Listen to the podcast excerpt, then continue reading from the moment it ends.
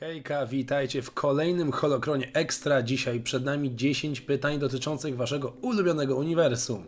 Pytania możecie zadawać zarówno pod odcinkiem, jak i na oficjalnym fanpage'u, a ja z góry przepraszam za mój głos, ale poświęcam się i nagrywam mimo choroby. Lecimy z kolejną porcją wiedzy. Ile kosztowała jedna jednostka droida B1? Mięso armatnie Federacji Handlowej kosztowało według podręcznika RPG około 1800 kredytów. Wydatek całkiem spory, patrząc na ilość, aczkolwiek droidy były w miarę łatwo naprawić.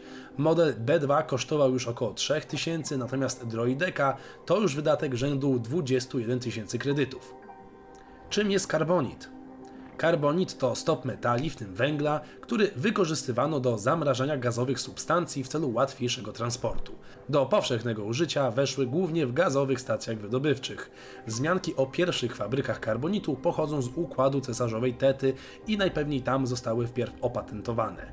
Niektóre rasy wykorzystują karbonit jako trumny, przemytnicy jako sposób do szmuglowania towaru, a jeszcze inni, jak choćby swojego czasu Anakin Skywalker, do zamrożenia samego siebie, by uniknąć skanerów. Najbardziej znany przykład to oczywiście Han Solo, który był przez dłuższy czas ozdobą w pałacu Jabby.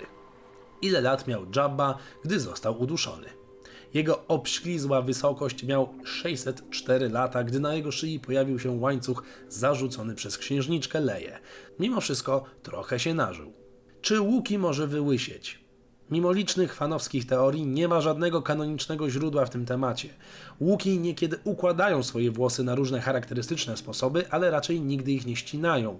O łysieniu też raczej nie ma mowy. Jeśli jednak bylibyście ciekawi jak wyglądałby na przykład czubaka bez sierści, to proszę bardzo. Miłych snów. Gdzie mieszkał lub spędzał czas Vader po swojej transformacji? Lord Vader był raczej ciągle w rozjazdach w celu polowania na zbiegłych po rozkazie 66 Jedi czy tępieniu zalążków rebelii. Kiedy jednak musiał się zregenerować, udawał się do jednego ze swoich zamków. Najbardziej znany to ten, który poznajemy w Łotrze 1, zamek na Mustafar. Inny, zamek Bast, znajdował się na planecie Wjun. Innych sekretnych i ukrytych przybytków miał zapewne więcej, rozsianych w całym terytorium Imperium. Czy to prawda, że pierwsza książka z Gwiezdnych Wojen wyszła przed filmem? Z technicznego punktu widzenia tak, ale nie oznacza to, że Gwiezdne Wojny są adaptacją książki. W 1976 ghostwriter Alan Dean Foster napisał książkę pod tytułem Star Wars w oparciu o gotowy skrypt George'a Lucasa, który w międzyczasie kręcił film, który wszedł do kina rok później. Tak więc książka faktycznie wyszła przed filmem, ale była wzorowana na filmowym scenariuszu, a nie na odwrót. Pierwszą oficjalną książką z Expanded Universe było spotkanie na Mimban autorstwa a jakżeby inaczej Alana Dean Fostera. Ile lat miał Luke, gdy zjednał się z mocą? Nasz ulubiony mistrz Jedi pojednał się z mocą w wieku 53 lat. Tyle, jeżeli chodzi o jego cielesny żywot, ale najpewniej opanował nauki przekazane przez mistrza Yoda oraz Qui-Gona i będzie w stanie pojawić się jako duch mocy. Na chwilę obecną nie mamy potwierdzenia, czy zobaczymy postać Marka Hamila w dziewiątym epizodzie, ale szanse na to są według mnie całkiem spore. Ile czasu budowano stację Starkiller? Póki co żadne nowe źródło nie podaje konkretnego czasu, jaki nowy porządek potrzebował na zbudowanie stacji.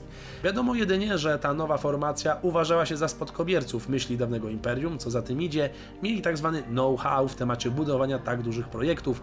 Ponadto planeta, na której powstała stacja, była już od wielu lat kopalnią kryształu Kyber. Infrastruktura była już więc gotowa. Co to za zwierzę, na którym jeździ Obi-Wan podczas walki z Grievousem? To urocze zwierzę to waraktyl, roślinożerny gatunek z rodziny raptawian, czyli osobników łączących cechy gadów oraz ptaków. Ich rodzimą planetą jest Utapao. Nazywano je również smoczymi wierzchowcami. Kilka jaj z tymi osobnikami zostało przywiezionych na Kashyyyk, gdzie zadomowiły się w tamtejszych lasach, zachodząc za skórę łukiem. Czy jest jakaś rasa łącząca cechy człowieka oraz węży? Najpewniej chodzi o rasę Sluisi, którzy mają humanoidalną, górną połowę ciała, natomiast poniżej przypominają bardziej węże. Zamieszkiwali głównie swoją ojczystą planetę, Sluis Van, gdzie zresztą mieściły się później gigantyczne stocznie produkujące statki, bowiem rasa ta wykazywała wielkie zainteresowanie i umiejętności w zakresie technologii, jak i naprawiania pojazdów. Byli przy tym rasą bardzo spokojną, wręcz zrelaksowaną, nieznoszącą pośpiechu i potrafiącą pracować pod dużą presją. Byli do tego niezwykle metodyczni, co za tym idzie bardzo powolni w pracy, jednakże nadrabiali to prawdziwym technologicznym geniuszem. Dzięki za zadane pytania, czekam na kolejne, zobaczcie inne odcinki i oczywiście niech moc będzie z Wami.